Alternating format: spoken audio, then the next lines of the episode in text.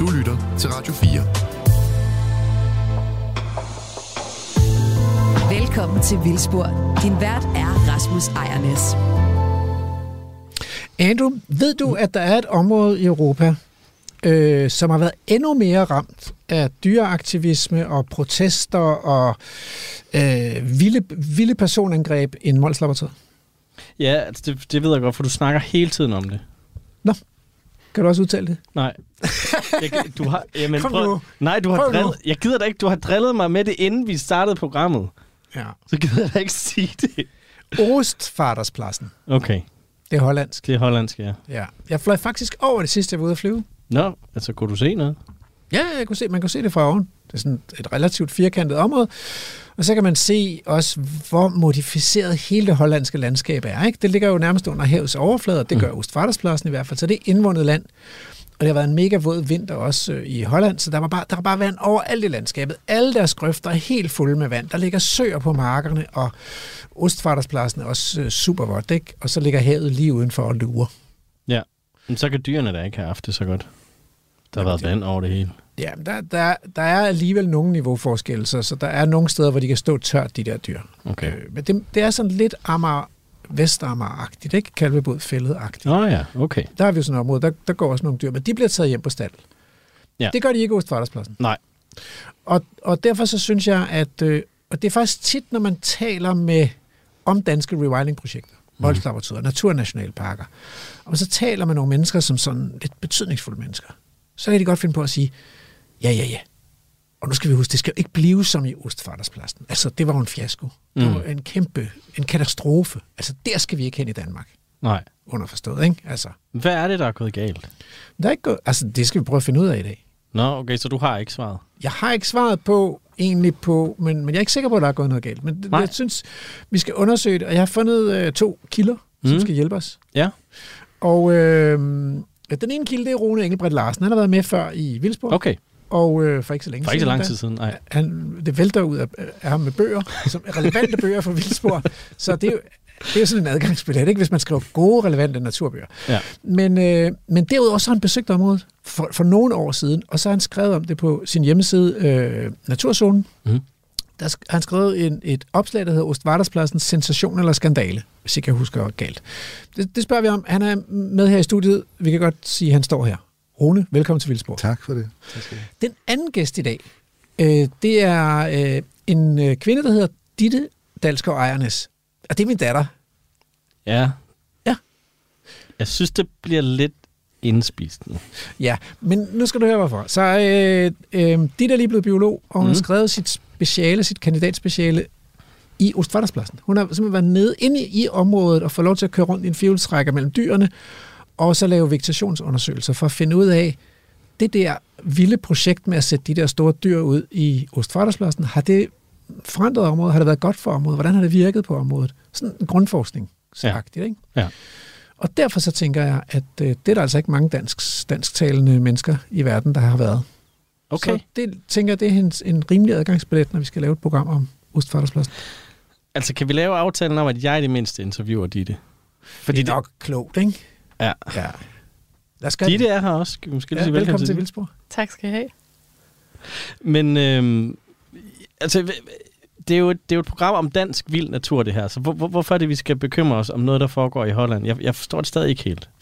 Så, øh, så nu har vi jo en regering i Danmark, der har besluttet sig for, at de to store naturinterviewer, nej, naturinitiativer, og det er ikke den her regering, det, det var den forrige, ikke?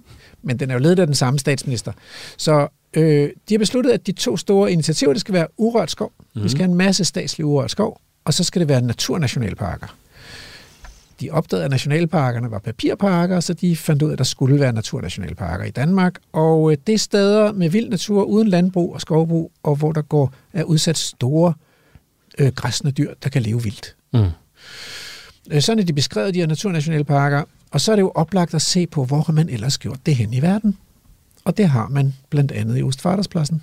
Det var et af de første steder i Europa, hvis ikke det første sted, hvor man ligesom forsøgte at slæbe store græsne dyr ud, heste, kvæg og krondyr, og lade dem leve vildt, uden at blande sig i, hvor mange de... Altså, de har jo ligesom øh, fået lov til at parre sig med hinanden og få, øh, få følge og kalve og så videre. Og, øh, og så bliver, der- er der blevet flere og flere dyr. Og så er det jo sådan, at lige meget hvor stort et naturområde man laver vildt, så på et tidspunkt, så bliver der så mange dyr, at der ikke helt er ressourcer nok. Mm. Det er ligesom om, den historie har vi hørt før. Ja, Ja. det er utroligt svært at forstå stadigvæk for folk, at det ikke handler om, om der er hegn, men det handler om, at dyrene de parer sig og formerer sig. Mm. Lige meget hvor stort et område, så bliver der for mange på et tidspunkt. Så er der nogle af dem, der skal til at dø. Og så har vi balladen. Så de har gjort sig nogle erfaringer med det her. Ja. Så jeg tænkte, at det, det kunne vi lære af. Vi, vi, har også talt om, at vi skulle ned og besøge det Ja. hos Farderspladsen. ja. Det er ligesom om vores udenlandsture, ikke? Vores rejseplaner, de går bare mega meget i vasken. Super heldig. Okay, jamen skal vi så ikke bare altså, få gang i, i, i dagens program? Så øh, giv los. Du lytter til Vildspor på Radio 4. Men så er det vel, altså, så er det vel egentlig mig, der ja. ligger for dagen. Ja, hvad er det nu området hedder? Nej, jeg gider ikke det der. Okay. Ditte, øh, velkommen til Vildspor. Tak skal du have. Øhm, ah, det står jo her i mit første spørgsmål, som jeg har skrevet ned. Okay, jeg prøver. Du har altså lavet feltarbejde i Ostfaderspladsen. Ja. Woo! Ja, så jeg kan godt, når du ikke er på nakken af mig. Nej, du har, du har lavet feltarbejde i, i 2022. Så lige til at starte med, hvordan var det at besøge det her savnomspundne område? Altså, du må også selv have, have, have haft sådan nogle tanker om, hvad er det, jeg går ind til nu? Ja, virkelig meget, fordi det er så, så omtalt og omdiskuteret. Og så er det jo også spændende at få lov til at komme ind i området, fordi der faktisk ikke er, er offentlig adgang. Mm. Øhm, altså man kan komme ind på guidede ture, men ellers så er der faktisk kun offentlig adgang i en lille del af området. Så i første omgang, der er super privilegeret faktisk at få lov til at komme ind i området og køre rundt og lave vegetationsundersøgelser. Mm. Og så er det jo et stort naturområde, øh, større end, end vi er vant til her i Danmark. Der kunne man jo også høre, at Rasmus kunne se det fra luften. Så det er et, et virkelig stort, stort område. Ja. Kan sige, hvis man kender Mols-laboratoriet er omkring 120 hektar, og Ostfaderspladsen er mere end 5.000 hektar. Okay. Øhm, så det der med, at man kan køre rundt og så se altså store vider. Det er et meget fladt område. Det er, det er, det er Holland så meget, meget fladt, men at der ligesom er den der følelse af at komme ud i et stort naturområde. Øhm, og så samtidig blive mindet om, at det også ligger midt i civilisationen. Der er en togbane, der kører hele vejen udenom området, og der er vindmøller i horisonten, så det er ikke fordi, man ligesom føler sig fuldstændig skåret, Mm. skåret væk fra Nej. anden civilisation. Nej. Hvad, altså, hvad, hvad, hvad havde du forventet, da du kom, kom dertil? Jamen, det er et godt spørgsmål. Altså, jeg havde i hvert fald forventet at kunne se øh, store græsne dyr, som også var det, jeg skulle ned og undersøge, hvordan de påvirker vegetationen. Øhm, så der er blevet introduceret konikheste og hækkvæg og kronhjorte. Og så netop fordi det er et stort område, så faktisk at få lov til at se store flokke af de her dyr, Mm. øhm, som man bare ikke er vant til at se i vores landskab på den måde. Og så tror jeg, botanisk havde jeg ligesom godt fået at vide, øh, at der nok ikke var så mange sjældne arter, måske heller ikke så høj en, en artsrigdom. Vi havde også fået udleveret nogle plantelister, inden vi tog derned, så jeg tror godt, jeg var forberedt på, at det ikke var den største botaniske oplevelse, Okay. jeg skulle ned og have. Det kan man nok godt sige. Ja. ja. Øhm, Men det er jo, altså, du, du, du sagde lige før, at det, det er et kæmpe stort område, og jeg har været på Mols Laboratoriet et, et par gange efterhånden, og det er ikke altid, jeg kan se dyrene. Så så du dyrene Ja. øh, i Holland? ja, Ja. det ja. gjorde jeg. Og også de her store flokke, som jeg havde, havde glædet mig til at se. Mm. øhm, som jo er, er meget interessant. Jeg, jeg må også sige, øhm, det snakker man jo også om herhjemme i forhold til, hvor vant til vi er at være i naturen med store dyr. Øhm, jeg kunne godt selv mærke det, det der med, at vi kørte rundt i en firehjulstrækker, så der var man ligesom i sikkerhed, og så skulle vi ud og lave de der vegetationsundersøgelser. Altså, var du bange? Du siger i sikkerhed, at du... Ja, det er nemlig det. Jeg- Jeg må nok indrømme, at det der med at gå væk fra bilen, og ligesom bare være ude og lave de der vegetationsundersøgelser, altså hvis det der er hækkvæg, Mm. jeg ved ikke, altså folk kan også godt lige uh, google et billede af hækkvæg, de har så store horn. Okay. Jeg tror bare det der med ikke at være vant til at omgås så store dyr, det kunne jeg bare godt mærke. Øhm, og det var interessant. Jeg var afsted med en phd studerende som er fra Sydafrika og også har lavet feltarbejde i Sydafrika. Det var ligesom ham, der stillede sig op, hvis kvædet ligesom begyndte at komme hen til os, og råbte og stampede med en stav for ligesom at indgyde respekt. Og så, jeg kan bare huske, at jeg spurgte ham, om han ligesom ikke, om han ikke var nervøs eller bange for, at de skulle komme tæt på. og det grinede han faktisk lidt af, og sagde, nej, det, det var han ikke. Altså, han har været på feltarbejde i, i Sydafrika, hvor det handlede om elefanter. Og, ja. og så kunne han godt ryste lidt i bukserne, hvis det var elefanter, der ligesom kom gående hen mod en. Jeg Ja. tænker bare, at det sætter det meget godt i perspektiv. Altså, det med, hvad det er for en, en form for natur, vi, er, vi forsøger at, at genintroducere her i Europa. Og øhm, Ja. ja. at jeg tror, det handler meget om at, at lære at omgås. I hvert fald de store dyr. Mm. Ja. Ja.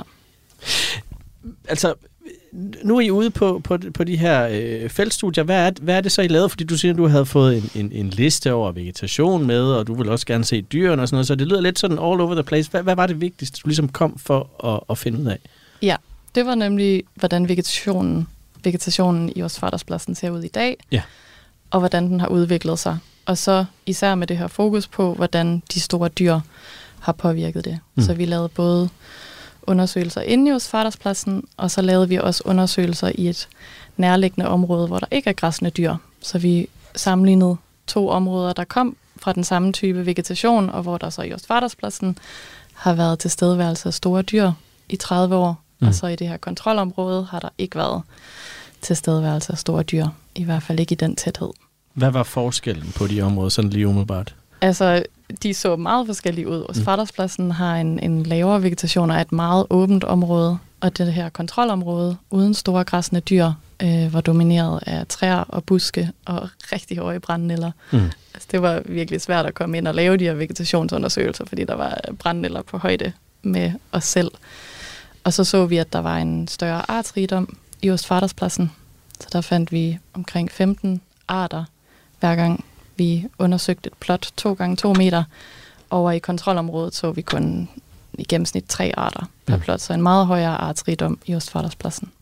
Altså, hvad, hvad, hvordan, hvordan ser det ud på Ostvarderspladsen? Altså, er det, nu siger du, det andet sted var tilgroet. Er det, er det sådan meget, øh, altså, er, det, er græsset nedspist og så videre, eller hvordan? Er det, er det meget fladt? Altså, det er meget, meget fladt, men mm. der var faktisk ikke spist op, da vi kom. Man kan sige, det var også i højsommeren, jeg var dernede i juli, så på den måde vil man jo heller ikke forvente, at der ville være spist op på det mm. tidspunkt af året. Øhm, jeg har ikke set, hvordan der ser ud i marts-april, hvor man tænker, der vil man forestille sig, at der var spist mere, spist mere op, hvis dyretætheden på den måde passer til mængden af føde. Øhm, ja, men som sagt var der meget åbent og fladt, og så var vegetationen ret ensartet øhm, og meget almindelige arter, vi fandt der. Vi fandt krybvene og almindelige hønsetarm og hvidkløver, rigtig meget hvidkløver og almindelig rejgræs. Så arter, man, man finder rigtig mange steder i det generelle landskab også. Så altså, det lyder som om, øh, uden at jeg øh, lægger ordene for meget i din mund, at dyrene har haft det godt, fordi de har ikke spist op, så de må i hvert fald altså, have nok at spise. Altså i hvert fald på det tidspunkt, hvor jeg var der, var der helt sikkert nok at spise. Ja. Ja. Men er du så ikke, er du ikke nysgerrig på, hvordan det så ud i, i april-maj? Jo, meget. Mm. Ja, også fordi, at der jo netop er sket en ændring i, hvordan dyrene bliver reguleret, så nu bliver dyrene reguleret til et, et forudbestemt antal dyr, som jeg tænker muligvis er sat lidt lavt i forhold til, hvad der egentlig er føde til i Okay. området. Så hvad, hvad, hvad tænker du, du havde oplevet, hvis, hvis det ikke var sat så lavt? Hvad ville der så være anderledes? Altså, der vil jo være, jeg tænker, der vil være flere områder med lavere vegetation, øhm, og måske også flere områder faktisk med, med bar jord. Øhm, men man kan sige, at Svarterspladsen er også et område med naturlig meget næringsrig jordbund, så det er også en meget frodig vegetation, man Mm. ser der, sammenlignet med, med andre magre græsland på mere sandet bund. Var der et enkelt område i Osfarterspladsen, der havde mere sandet bund, hvor der så også var både en lidt højere artsrigdom og lidt mere interessante øh, græslandsarter. Jeg ved, at du også har kigget på øh, historisk data. Hvad har du ligesom fundet ud af ud fra det? Men der har vi så undersøgt, hvordan vegetationen i Ostfarterspladsen har udviklet sig i løbet af de sidste 10 år, har vi haft data på. Og der har vi blandt andet set, at der har været en stigning i græslandsplanter og mere nøjsomhedsarter. Så arter, der tit vokser, er, er lavere Øhm, Og, og det, det er fordi, der bliver spist op. Nemlig, at der kommer mere, mere lys Mm. øh, ned til de her arter, og at, at græsning ligesom er en forstyrrelse, som kan gå ind og forstyrre nogle af de her konkurrencearter, som ellers er rigtig gode til at udnytte ressourcerne og vokse hurtigt og så overskygge nogle af de andre arter.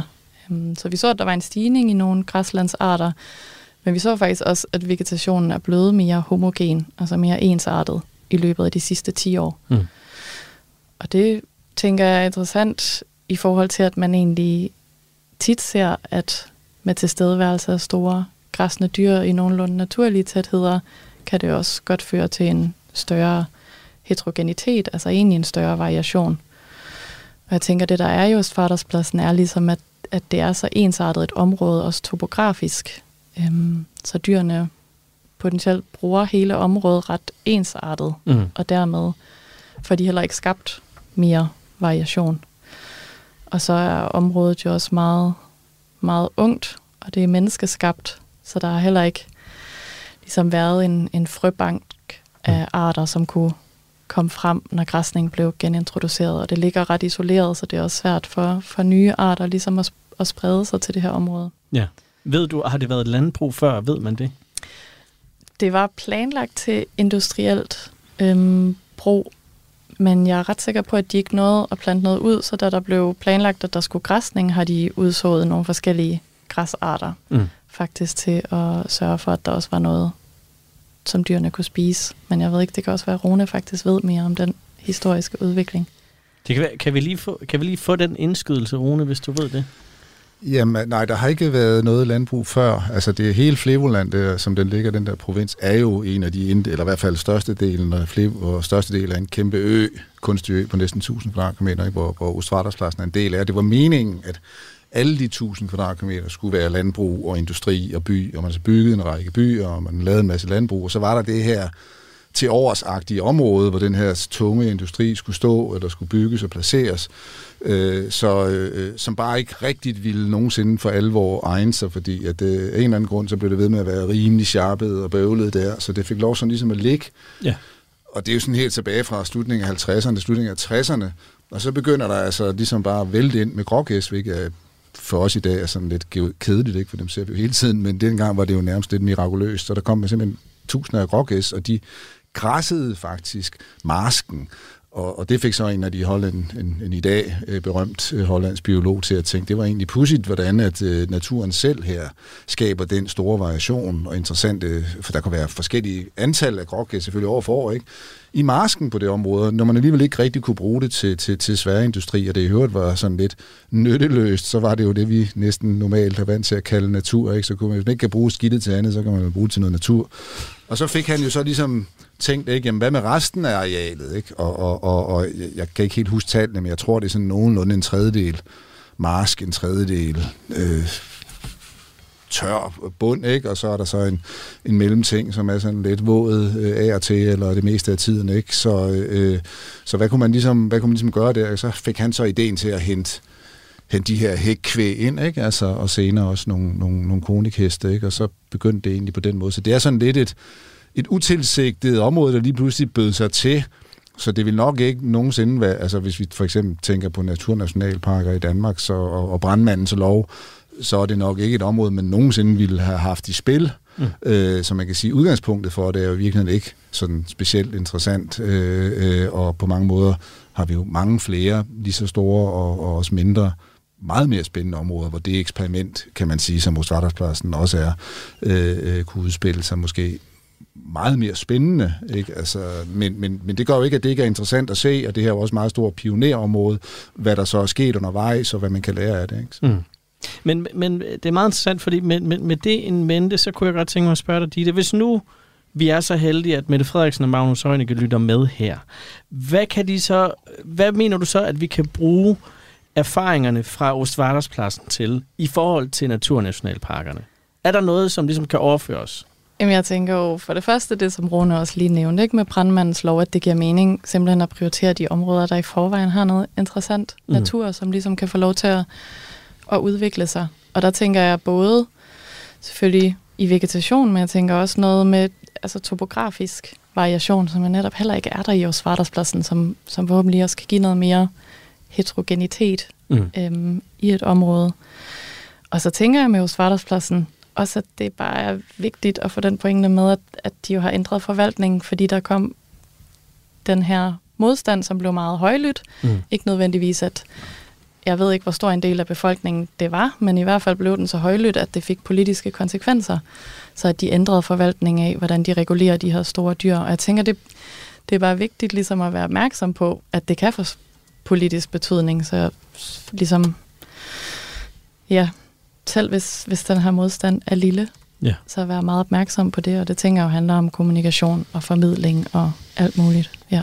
Men den her ballade her, som jo, øh, altså der har været protestgrupper, og de har, øh, ligesom her hjemme i Danmark, fodret dyrene og så videre. Øh, mærkede du noget til den, da du besøgte området? Altså ikke selve konflikten, og det tror jeg også fordi de, de forsøger at holde lav profil nu, for simpelthen at undgå øh, konflikt. Og hvem, hvem er de, mener du? Dem, der ligesom forvalter området. Ja. ja. Protestgrupperne er ligeglade. Ja, jeg tænker, det hvis de forsøgte ikke at holde lav profil Nej. På nogen måde.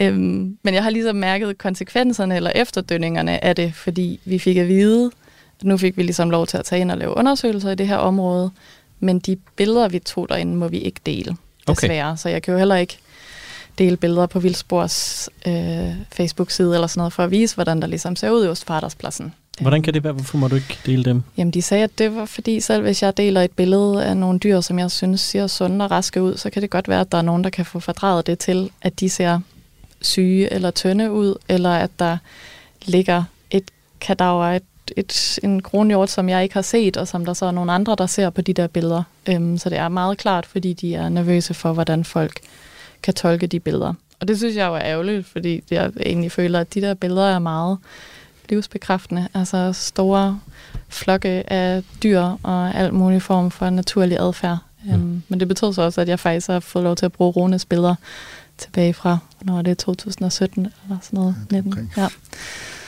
I mit speciale.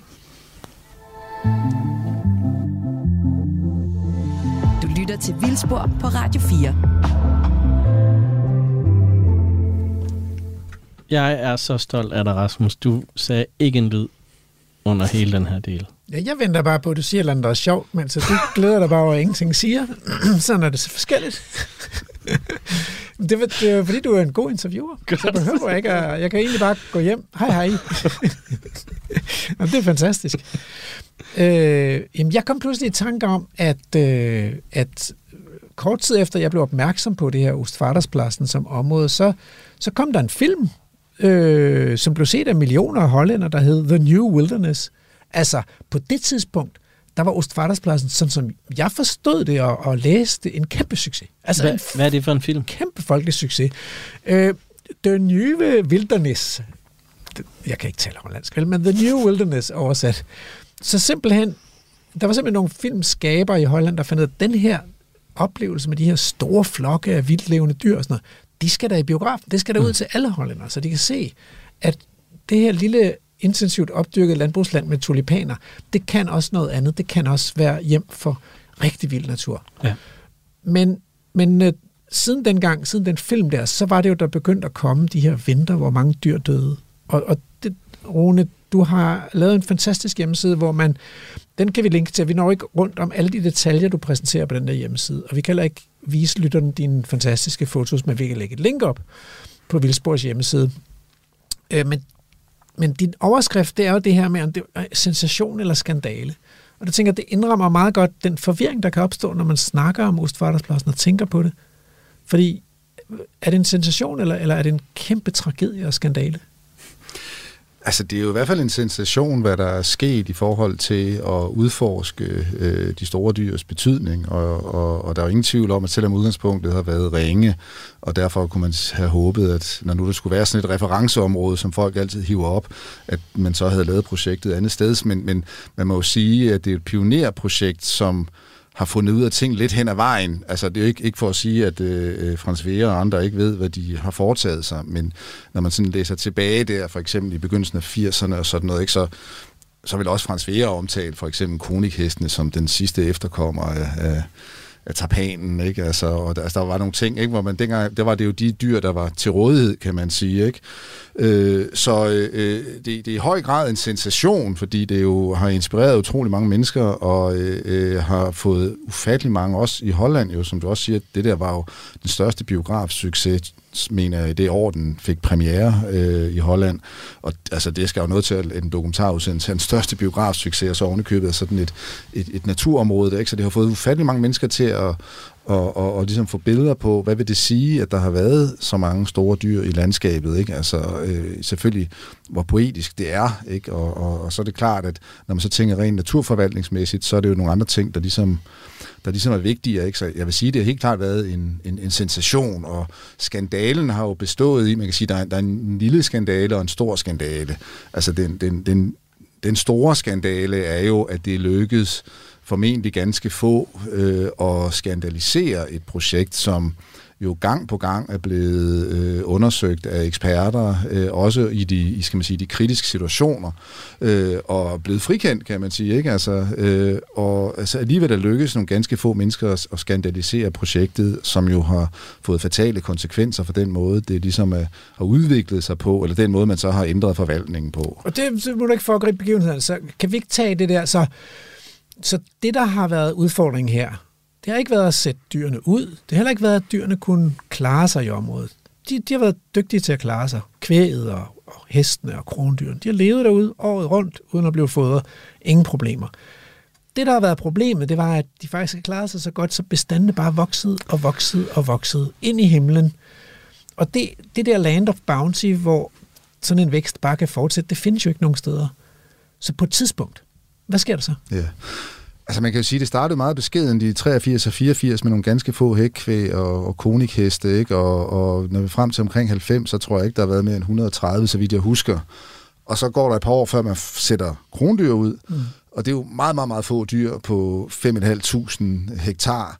Øh, 10 år efter, øh, så er de altså blevet, så vidt jeg husker, et par tusind, ikke? Og mm. øh, øh, på et tidspunkt er de helt op over 5.000 dyr. Så det er så om sommeren, ikke, hvor der er allerflest. Ikke? Så det er jo en, en voldsom eksplosion af, af dyretryk, og på mange måder er det jo egentlig meget forbløffende, hvor lang tid det tager, før at det overhovedet bliver et problem. Mm. Øh, øh, så det fortæller jo noget om, om, om dyretryk, ikke? selvom man selvfølgelig altid skal tage højde for, at der er forskel på området. Vi har også hørt, øh, Ditte var inde på, ikke? at det, det er ekstremt næringsrigt, ikke? Så, så man kan ikke helt bare overføre de tal til alting. Men ikke desto mindre, så er det gået hurtigt, og, øh, øh og derfor har man jo heller ikke rigtig sådan, skal man sige, været inde i den problemstilling, at det på et eller andet tidspunkt rammer øh, bæreevnen. Ikke? Og det gør man så der øh, 24-5 stykker en vinter, hvor for første gang, hvor, hvor der lige pludselig er nogle tilskuere, ikke? Som, eller tilskuere, det er jo fordi, man kan ikke komme derind, som de der var inde på, men, men man kan jo se derind hele vejen rundt, og der er et hjørne af området, hvor, hvor alle kan komme ind. Og der er der så nogen, der opdager, at der ligger nogle hundrede heste, som er døde en, mm. en hård vinter. Ikke? Og det skaber et ramaskrig. Ikke? Og, og det må man jo så reagere på, og det gør man ved at nedsætte en videnskabelig kommission, som laver en undersøgelse, som prøver i, det går i detalje med nogle internationale eksperter, hvad der er sket her. Er det øh, forvalterne, der simpelthen har forårsaget i massedrab på, på heste? Øh, er det fordi, der er hegn? Er det fordi, der er for mange dyr? Hvad er årsagen? Og hvad kommer eksperterne frem til? Ja, de, kom, de frikender jo faktisk pure projektet. Altså, øh, det er ikke på grund af hegnet, og det er ikke på grund af... Men hvordan kan man det, når, hesten, når der ligger døde heste? Ja, fordi det, de jo så går ind og undersøger, eller skal man sige sammenligner med, øh, det er jo at sige, jamen, hvordan, hvad, hvad vil man have risikeret her, hvis der ikke var et hegn? Altså, hvad er typisk, hvad er normalen for et stort naturområde, en hård vinter, hvor der er øh, øh, store dyr? Og det, de så finder ud af, det er at sige, jamen, der er ikke det er ret uproblematisk og egentlig måske for meget at sige, en kedsommelig antal død, det er det jo ikke. Det er jo hårdt for os andre at se på, fordi vi ikke er vant til at se den slags. Specielt er vi ikke vant til at, at møde øh, mange døde heste. Vi, vi ser jo normalt ikke rundt i naturen, hvor mange der dør sådan en, en hård vinter. Så de konstaterer simpelthen, at der er sådan set ikke noget ekstraordinært på færre her i forhold til dødsantallet. Og oven i købet, så laver de jo en, en, en, en forudsigelse at sige, at det er sådan set en relativt beskeden øh, øh, dødsantal. Man skal nok regne med, at der vil komme perioder, hvor man kan komme op på 50 procent af dyrene, der vil dø. Og det vil stadigvæk være helt normalt, og ikke have noget at gøre med, at det er hegnet, ikke har gøre noget at gøre med, med at det er altså et forvaltet område, eller et selv, mere eller mindre selvforvaltet område, for det ser man også i naturen. Og så går årene, og så, Ja. og så bliver deres profeti til virkelighed. Ja, så, bliver, så går der en 5 år cirka, så får vi jo så endnu en meget hård vinter, og det er så i 9-10 stykker, hvor... Øh, øh, jeg kan ikke huske, hvor mange dyr, der dør, dør, der dør der, men i hvert fald er, er det, de tv-billeder, der starter med at gå rundt, det er altså nogen, der, der har filmet formentlig igennem hegnet, ikke? Et eller andet krondyr, der og, går rundt og ser meget stakkels ud og, og vakler og, og falder om kul, så vidt jeg husker. Og, og så undersøger man så, at man altså igen har den her strenge vinter, og, at, øh, øh, og så opstår ramaskridet en gang til, og så laver man endnu en undersøgelseskommission, og øh, den laver endnu en rapport, og den konstaterer så, ja, nu er man så nået op på de øh, cirka 46 procent, hvis man kigger sådan over et helt år, tror jeg det er der. Jeg tror ikke engang, man er helt op på det, det gør man først senere, men, men i hvert fald kommet tættere på de 50 procent, som man jo havde forudsagt, at det ville sådan set stadigvæk være normalt, hvis man nåede derop omkring. Øh, men øh, øh, samtidig konstaterer kommissionen jo også, at man sådan set, man havde foreslået nogle ting fem år tidligere. Blandt andet har man jo foreslået den her reaktiv øh, regulering, øh, hvor man altså i løbet af foråret går ud og ser, er der nogle af de her dyr, som ser ud til at have lidt så meget, eller være på vej til at få skavanker på grund af en hård vinter, at vi er nødt til at skyde nogle af dem for at undgå lidelse. Og det er alene af hensyn, skal man sige, sådan til, til, til offentlighedens synsninger. Ja, fordi Øh, øh, dyr kan godt dø selv. Dyr kan godt, dyr kan godt dø selv. Ikke? Men det vælger man så ligesom det her, kan man sige, kompromis, eller det anbefaler kommissionen, det gjorde de i 2005, ikke? At, man, at man laver den reaktive regulering, så i hvert fald, at man undgår for meget af de der senere, ved at man altså går ud og skyder nogle af dem, som ser skravlet ud der i, i foråret. Og, der, og så anbefaler de også andre ting. De anbefaler blandt andet, at, øh, at der er ikke ret meget øh, skov og læ på det her område, men det er der faktisk hele vejen rundt om, eller det er ret mange steder lige præcis rundt om Ostvarderspladsen. Så hvis man nu kunne udvide det, så ville og det er altså meget let, fordi det er jo sådan, det er lige præcis naboarealer, så vil dyrene få adgang til meget mere læ. Mm.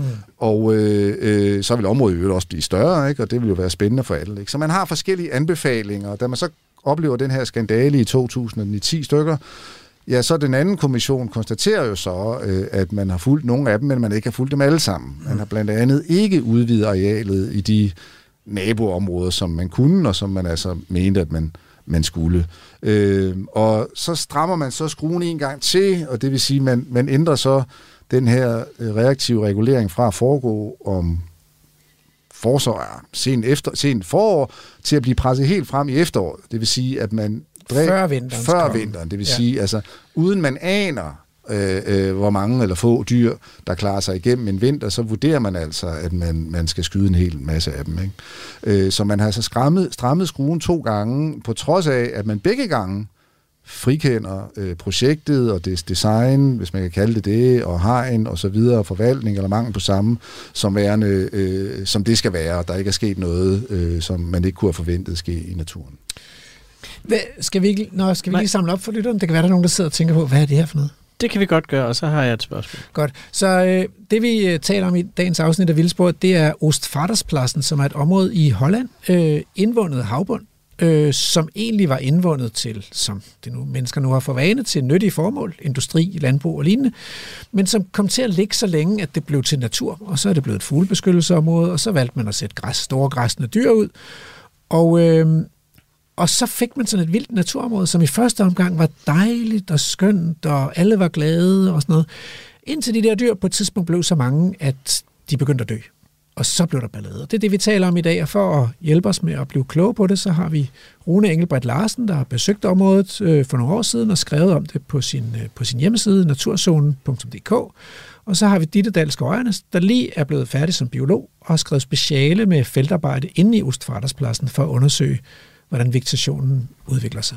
Og så har du et spørgsmål, Andrew. Jamen, det er bare fordi det her med den hårde vinter, som, som du har sagt et par gange, Rune, det er altså, hvad er det, der sker i løbet af den hårde vinter? Er det, øh, hvis det er fordi, der ikke er nok mad, så tror jeg, der er mange, der vil sige, jamen så er det hegnet, som, øh, som gør, at dyrene ikke kan gå langt nok væk til at finde ny føde. Men det lyder ikke som om, det er det, der er problemet. Så hvad er det, der sker i løbet af de hårde vintre? Nej, man kan jo sige, at i løbet af sommeren, så er der jo selvfølgelig et voldsomt boom af vegetation, og derfor ekstremt meget at spise, og så får de her dyr jo altså børn, så må sige, og, og multiplicerer sig selv i et eller andet omfang, ikke? og så er der rigtig, rigtig mange dyr, og så kommer så øh, vinterhalvåret, ikke? hvor der jo ikke rigtig vokser så meget, eller i hvert fald meget, meget, meget, meget lidt, og så er der selvfølgelig mindre at spise, og det gør jo så måske, at øh, de her glade dyr, de er jo altså blevet lidt for mange, og derfor så er der ikke mad nok hele vinteren over til dem alle sammen, og nogle af dem dør så af sult. Men problemet er jo ikke hegnet, fordi man kan sige, øh, øh, hvis man forestillede sig, at man flyttede hegnet en meter længere ud, så, så ville det måske gå, øh, øh, eller lad os sige en kilometer længere ud, så ville der gå et år mere, før at dyrene nåede til den bestandstørrelse, som gjorde, at nogle af dem ville dø af sult. Hvis man så flyttede det 100 km i hver omfang, hvis det var muligt, og så ville det gå endnu længere over.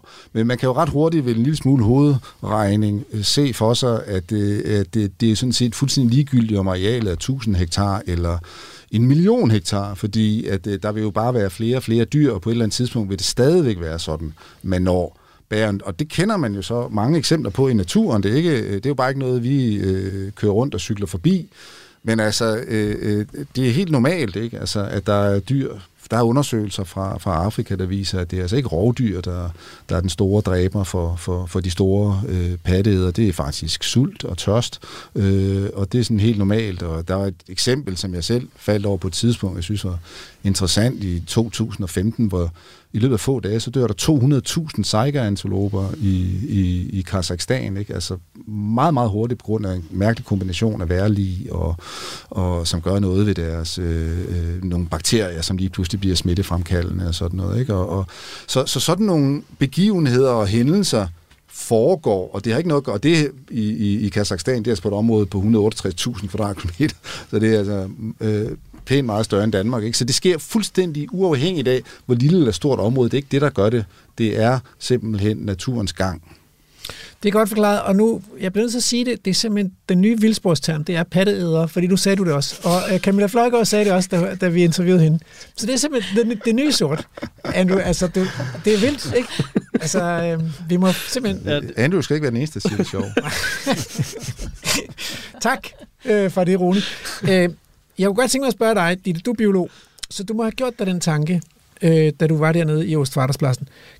Kunne det her ikke have været mere naturligt? Altså, som du selv sagde, det var meget fladt, og det var sådan en ret kedelig vegetation og sådan noget. Hvad kunne man gøre i dag, eller hvad kunne man have gjort tidligere for at gøre det endnu mere naturligt? Du siger, Rune, jo godt nok, at, at processerne for de vilde dyr egentlig er sammenlignelige med store naturområder. Hvis man ser på hele økosystemet, var det bare at udvide det med hegnet, eller kunne man gøre, have gjort andet?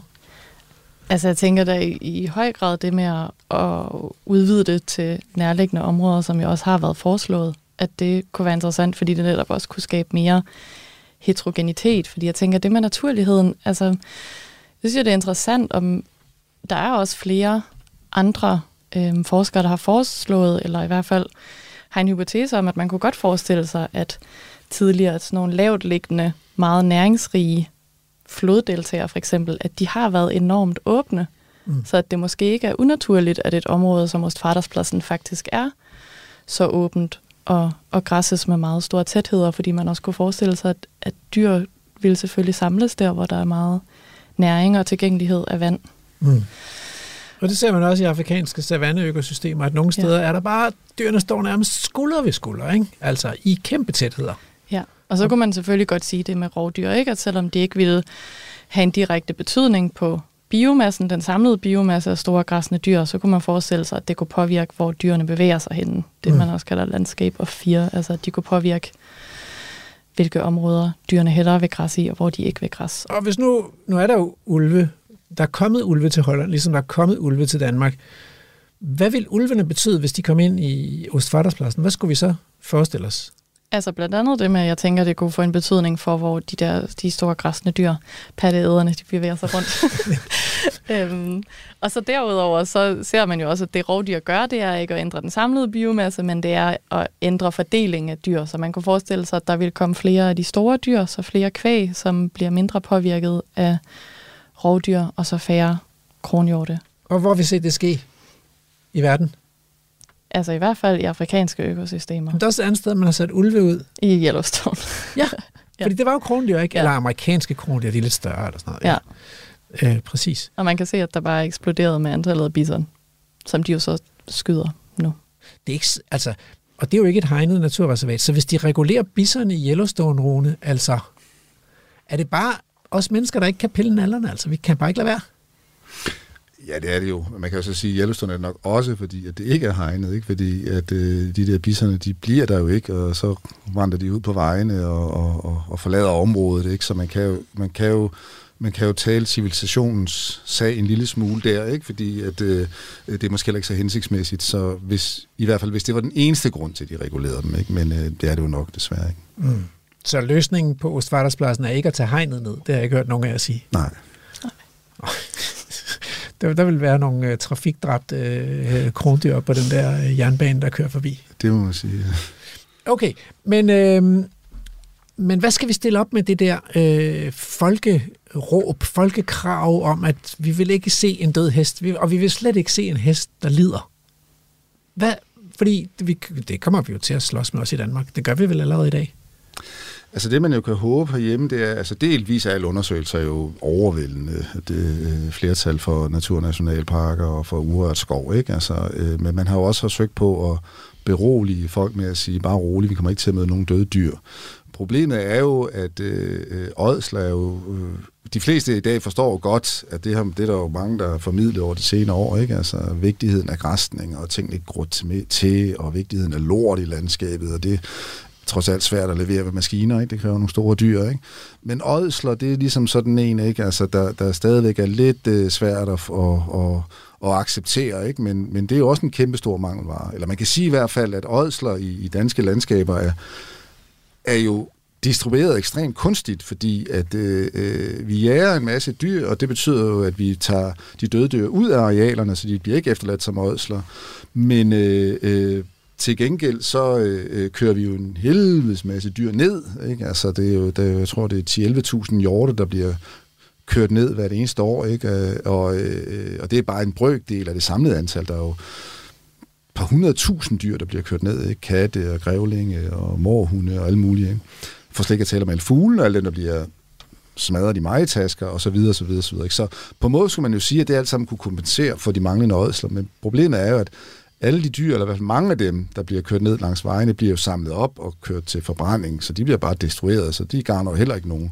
Og dem, der endelig ikke gør det, jamen de er distribueret langs veje eller ude på markerne, og det vil sige, der hvor ådslerne ingen gavn gør, øh, hvorimod der, hvor de virkelig gør en gavn, nemlig de områder, hvor, hvor, hvor, hvor der er en stor biodiversitet, og hvor de dyr der, og andre organismer, der er afhængige af dem, lever, ja, der er der ikke nogen. Øh, så øh, jeg tror egentlig, hvis man skal være meget optimistisk, at det er et spørgsmål om, om nogle flere års formidling, og at vi i et eller andet forstand øh, øh, måske også har et lidt heldigere udgangspunkt, end man har i Holland, ikke? for vi har altså nogle, stadigvæk nogle områder, der er knap så ødelagte, og nogle områder, der har et større potentiale, som, som jo derfor også taler mere til vores oplevelser og, og gør os lidt mere åbne over for at forstå nogle af de ting. Og der, der synes jeg måske som sidste detalje i den sammenhæng ikke, at, at man kan jo godt, man burde jo i hvert fald kunne øh, ligesom acceptere fra begge sider, hvis man nu kan sige det på den lidt firkantede måde, ikke? At, at i Danmark er vi ekstremt uvante med vild natur. Ikke? Bare se på ulven. Ikke? Det, det værste, vi kan tænke på, det er jo, det er jo flåter og dræbersnegle. Ikke? Så vi er virkelig uvante med det, og det kan vi grine af eller noget, men, men det er jo fair nok et eller andet sted. Og derfor så er det også ret uvendt at gå rundt i dansk natur og falde over en død elg, for eksempel. Ikke? Mm. Så man kunne jo godt have forestillet sig en mere pragmatisk tilgangsvinkel, som fra politikernes side, ved du hvad, der skal selvfølgelig være plads til, til ådsler. Vi, vi, vi, vi sætter måske lige sådan de første år, kigger vi lige tingene an og siger, at øh, øh, vi, vi, vi, vi kan ikke risikere, at der er første gang, der åbner en naturnationalpark den første vinter, så ligger der for mange døde heste eller noget. Ikke? Men vi kan godt acceptere, at der ligger nogle ådsler. Mm. Øh, og øh, det viser jo i hvert fald også de steder, hvor man bruger det i formidling, at det er ekstremt populært. Altså mm. folk kan godt lide at se den del af naturens processer, for man lærer meget af den. Det er det. Jamen, jeg tænker bare helt sikkert formidlingen, og så som Rune jo også nævner, den her tålmodighed, fordi jeg tænker, det vi er simpelthen bare ikke vant til store dyr i vores natur, så både at vi skal, skal vende os til at omgås dem, når, når de er levende, og så også når de er døde. Ja, vi omgås jo mange døde dyr, men de er så skåret ud i pæne stykker og ligger i køledisken. Ikke? Altså, det gør vi jo virkelig, så ja. det er også sådan noget værre hyggeleri. Ikke? Øh, så det er okay, at dyrene er døde, hvis bare det er os, der har slået dem ihjel. Altså, hvad siger det egentlig om os? ja, hvis man ikke ser dem i den proces hen, altså hen mod dødsprocessen. Vi vil ikke se på det. Med. Det er svineri. Ja, og det Ja. skal ikke ligne en hest, når den så er død, eller et kvæg. Ej, nu er heste, det er heller ikke sådan, hestepizza, det går ikke så godt. Det går ikke, så- det går ikke så varmt, varmt brød. Men øh, jeg kunne godt tænke mig, at vi lige når at øh, tale om, hvordan Ostvarderspladsen så reguleres i dag. Fordi der er jo sket et kæmpe skift i forvaltningen. Og som jeg husker det, Rune, nu må du rette mig, øh, det var noget med, at forvaltningen overgik fra statslig øh, øh, regulering og kontrol og styring til regional øh, forvaltning. Jeg kan ikke helt huske, hvordan man har rent sådan formelt har, har, har flyttet de der ting, men i hvert fald har man besluttet i 2018, tror jeg det var, at øh, øh, da der så kom endnu en vinter, den tredje vinter, som havde nogle af de her konsekvenser, hvor man endnu en gang knap nok nåede op på det, som forskerne altså havde forudset i 2005, at man skulle regne med, at der godt kunne være 50% dødelighed i nogle vintre. Øh, så der er igen ikke sket noget, øh, som sådan set er unormalt eller unaturligt. Men der valgte man så at sige, okay, det tør vi ikke mere, så nu sætter vi et loft på, jeg tror det er 1500 dyr øh, øh, sådan om, om vinteren der, ikke? Og, og der skyder vi dem simpelthen ned til, de får ikke lov at blive ved. Og så får man det her statiske niveau, som jo ikke fluktuerer over sæsoner og over år, og derfor selvfølgelig er meget kunstigt og øh, på mange måder selvfølgelig under ingen omstændighed optimalt for biodiversiteten. For vi har jo set foregående år, at der er mulighed for meget større dyreantal, for det er jo ligesom vist sig selv været tilfældet. Øh, så det synes jeg selvfølgelig er, er rigtig ærgerligt. Jeg tror, at vi er ved at rende ud for tid, så øh, er det ikke rigtigt, Andrew? Jo, Ja, så Rune Engelbrecht Larsen, Ditte Dalske Ejernes, tusind tak for at gøre os lidt klogere på øh, Ostfarterspladsen øh, som øh, naturprojekt. Jeg synes, det er en sensation. Meget mere end en, en skandale. Er I uenige i det? Jeg synes, det er super spændende. Meget spændende, og det har ført til rigtig meget interessant og vigtigt. Så er det simpelthen konkluderet. Nu skal vi høre øh, fra før far var barn. Det er det næste lydbrev. Det er lektor Hans Henrik Brun, som øh, vil læse op fra en kronik i politikken af ferskvandsbiolog Karl Wissenberglund. Jeg hedder Hans Henrik Brun, og øh, jeg vil læse et stykke op fra øh, en kronik i Politiken den 15. december 1929. Den er skrevet af ferskvandsbiologen professor Karl Wiesenberg Lund, som var entomolog og en, ja, også en pioner inden for dansk naturbevaring, kan man sige. En af de tidligste, der satte det på dagsordenen. Men øh, her starter vi. Første linje i kronikken. For mange år siden gik jeg som ung student over den sandede, det sandede hedeareal, der dengang strakte sig mellem havet og Tisvildehegn. På det tidspunkt var det nærmest et stykke hede, ikke eller meget svagt beplantet. Overalt så store gule sandpletter imellem sparsom vegetation, hvis hovedplanter var lyng og revling. Det var en meget tidlig forårsdag med høj sol og svag vind. Pludselig så jeg, at mine støvler var hvide, og jeg selv var dækket af et hvidt puder. Det var terrænets karakterplante, revlingen, hvis lette støv den unge forårsvind tog og lagde ud over al vegetation og hver, der færdedes i den. Hvor tidligt på året det end var, bierne havde travlt. Ikke honningbier. De var vel ikke kommet frem, og havde næppe heller noget at gøre her.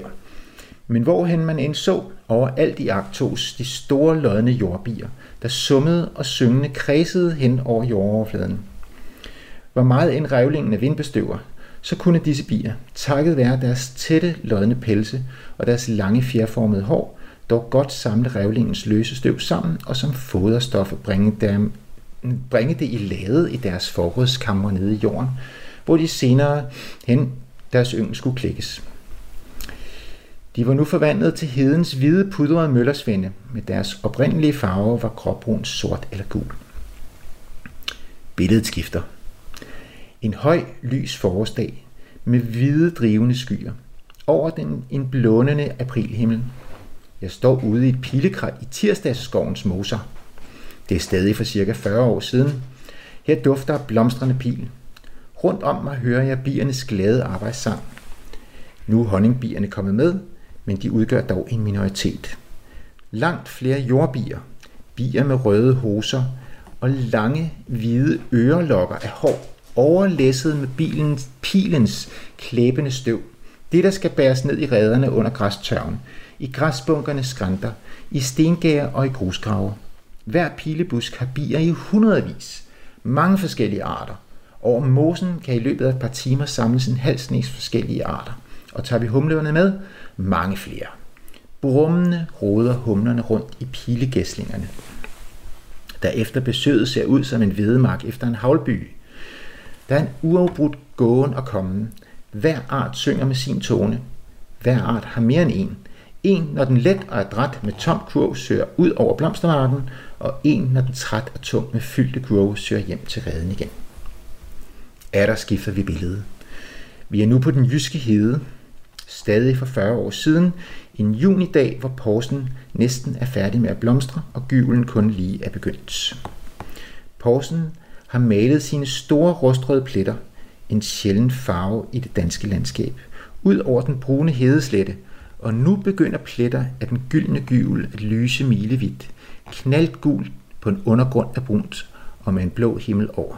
Stærkere og renere farver kan den danske natur næppe frembyde. Hvor meget end porsen er vindbestøver, biernes kurve strutter dog af porsens rustbrune blomsterstøv. Men heller ikke her er det honningbien, der kommer i første linje. Den er alt for fin på det. Også her er det jordbier, det drejer sig om. Hvor suger ikke gyvelkrattende bier til. Ingen lunde honningbier først og fremmest, men masser af humler, talrige arter af enlige bier, og sammen med dem deres mange forskellige artede snyldere, Andre overvingede fluer, overvejende hanner, men også de unge hunder, der efter parringen søger ud til biernes byggepladser. Er mange af disse bier end enlige, det vil sige uden arbejdere, de holder af at bygge i kolonier. Dem hedevandreren støder på, når han af bakkeskråningerne arbejder sig op af den, de vegetationsbare sandpletter til småforhøjningerne inde over hedefladerne. De bier hører endvidere hjemme i de stråklædte lærklinede hedehuse, hvis sydeksponerede sider kan være befolket af tusinder af enlige bier. Væggene er gennemhullet som et sold. Hul sidder ved hul, og hver hul fører ind til en rede. I slien mur kan man se snesevis af arter. Værter med deres snyltere og snyldere og snyltere. Have til huse. Brune, røde, knaldgule, gyldenstrålende, sort-hvide arter kommer og går og kommer og går. Vand bæres ind, fyldte kurve tømmes. Dagliglivets rolige arbejdsgang. Nu og da afbrudt af brummende, vrede, høje, pipende kamptoner strømmer fra alle sider over ens ører. Og sådan fortsætter Wesenberg Lund. Og hans pointe er her på 40 års afstand i 1929, han tænker tilbage på sin ungdom, hvor meget det er gået ned ad bakke for artsrigdommen af vilde bier i Danmark. Og siden hans tid er det bare fortsat nedad. Puha, ja tak for at gøre os i godt humør, Hans Henrik Brun. Altså, øh, det, det er lidt vildt, ikke? Og det var dengang, altså, der var gøvlen en okay art. Det var da meget sjovt. Altså, øh, gule, knaldgule gøvelblomster fulde af bier på den jyske hede. Øh, og nu slås man med den mange steder som en øh, problemart. Men den er egentlig god nok. Andrew, øh, hvordan har du med bier? Ja, dejligt med bier. Ja, alle slags bier. Umiddelbart, ja. Jeg har ikke mødt alle slags bier endnu. Spiser du honning? Ja. Og det er ikke så godt, hvis man arbejder på Vildsborg. Det ved jeg godt, det har jeg fået hug for før. Okay. Ja, så du bare rolig. Stik. Det har, du har været efter mig. Okay, det er godt. så det- ja. Og så vil jeg ikke øh, Nej. omtale det igen. øh, og Ostfarterspladsen, skal vi ned og besøge den? Det vil jeg virkelig gerne. Ja. Men altså, jeg vil også gerne se Kvador først. Det er jo på vejen. ja, det, det er det. Det er rigtigt nok. Så det, ja. Det skulle vi ikke have mellemlandet i Amsterdam. Jo, Så kunne man jo hvor godt, du siger det. godt tage en ekstra dag der, og så lige køre ud til Ostfarterspladsen, få en aftale med nogen, og så... Det kunne vi sgu da godt. Ja, det skulle da bare gøre. Jamen, så, Der er så, er det jo nogen fint, at det er gangster, blevet... Nej, så er det fint, det er blevet skudt. Så gør vi det. Okay. Men, men jeg, jeg, jeg kan godt med til de der dyr. Hvad for nogle dyr? Jamen, de der store dyr. Ja, det ved jeg godt. Det Ja, fordi det er som om, at hvis bare de ligesom er døde, så er det okay, og hvis de er levende, så er det også okay. Men derimellem, fra de er levende til de bliver døde, Ja. ja. der er det ikke okay. Nej. Men vi, vi skal jo selv dø. Jeg, jeg glæder mig. Hvordan har, glæder du dig ikke, så du skal... Altså, eller, men altså, det bliver da siger spændende. du, mens din datter står lige. Det bliver da, det bliver da mega spændende. Ja, det, jeg synes, Vildsborg tager en virkelig underlig drejning lige nu. Okay, Jeg, jeg tror, vi skal til at runde af. Du, du, vi skal til at runde af. Ja. Men og nu håber jeg ikke, at jeg får skrækket øh, min datter. Det er her, men hun er biolog, så hun er også nødt til at beskæftige sig med, vi, vi er patteædere, vi lever vi dør. Nej, vi er pattedyr. Og hun, Ja. og hun er din Tak. datter, så hun må være vant til at høre på Tak det her. til lektor Henrik Brun. Tak til nybagt biolog øh, Dit Dalsk Rørnes. Tak til idehistoriker og naturhistoriker Rune Engelbrecht Larsen. Og øh, så er det tid til ugens haiku, tror jeg. Er det, er det ikke rigtigt? Jo, så, d- nogle gange så glemmer du at takke mig. Tak til dig, Andrew. Tak. Du er den største pattede af os to. ja, det var et super godt interview, du lavede. Tak. Det lyder sådan her. Vildt frie klovdyr. Et skridt frem, to tilbage. Tabu belagt død. Programmet er produceret af Videnslyd for Radio 4. Du har lyttet til en podcast fra Radio 4. Find flere episoder i vores app, eller der, hvor du lytter til podcast. Radio 4. Ikke så forudsigeligt.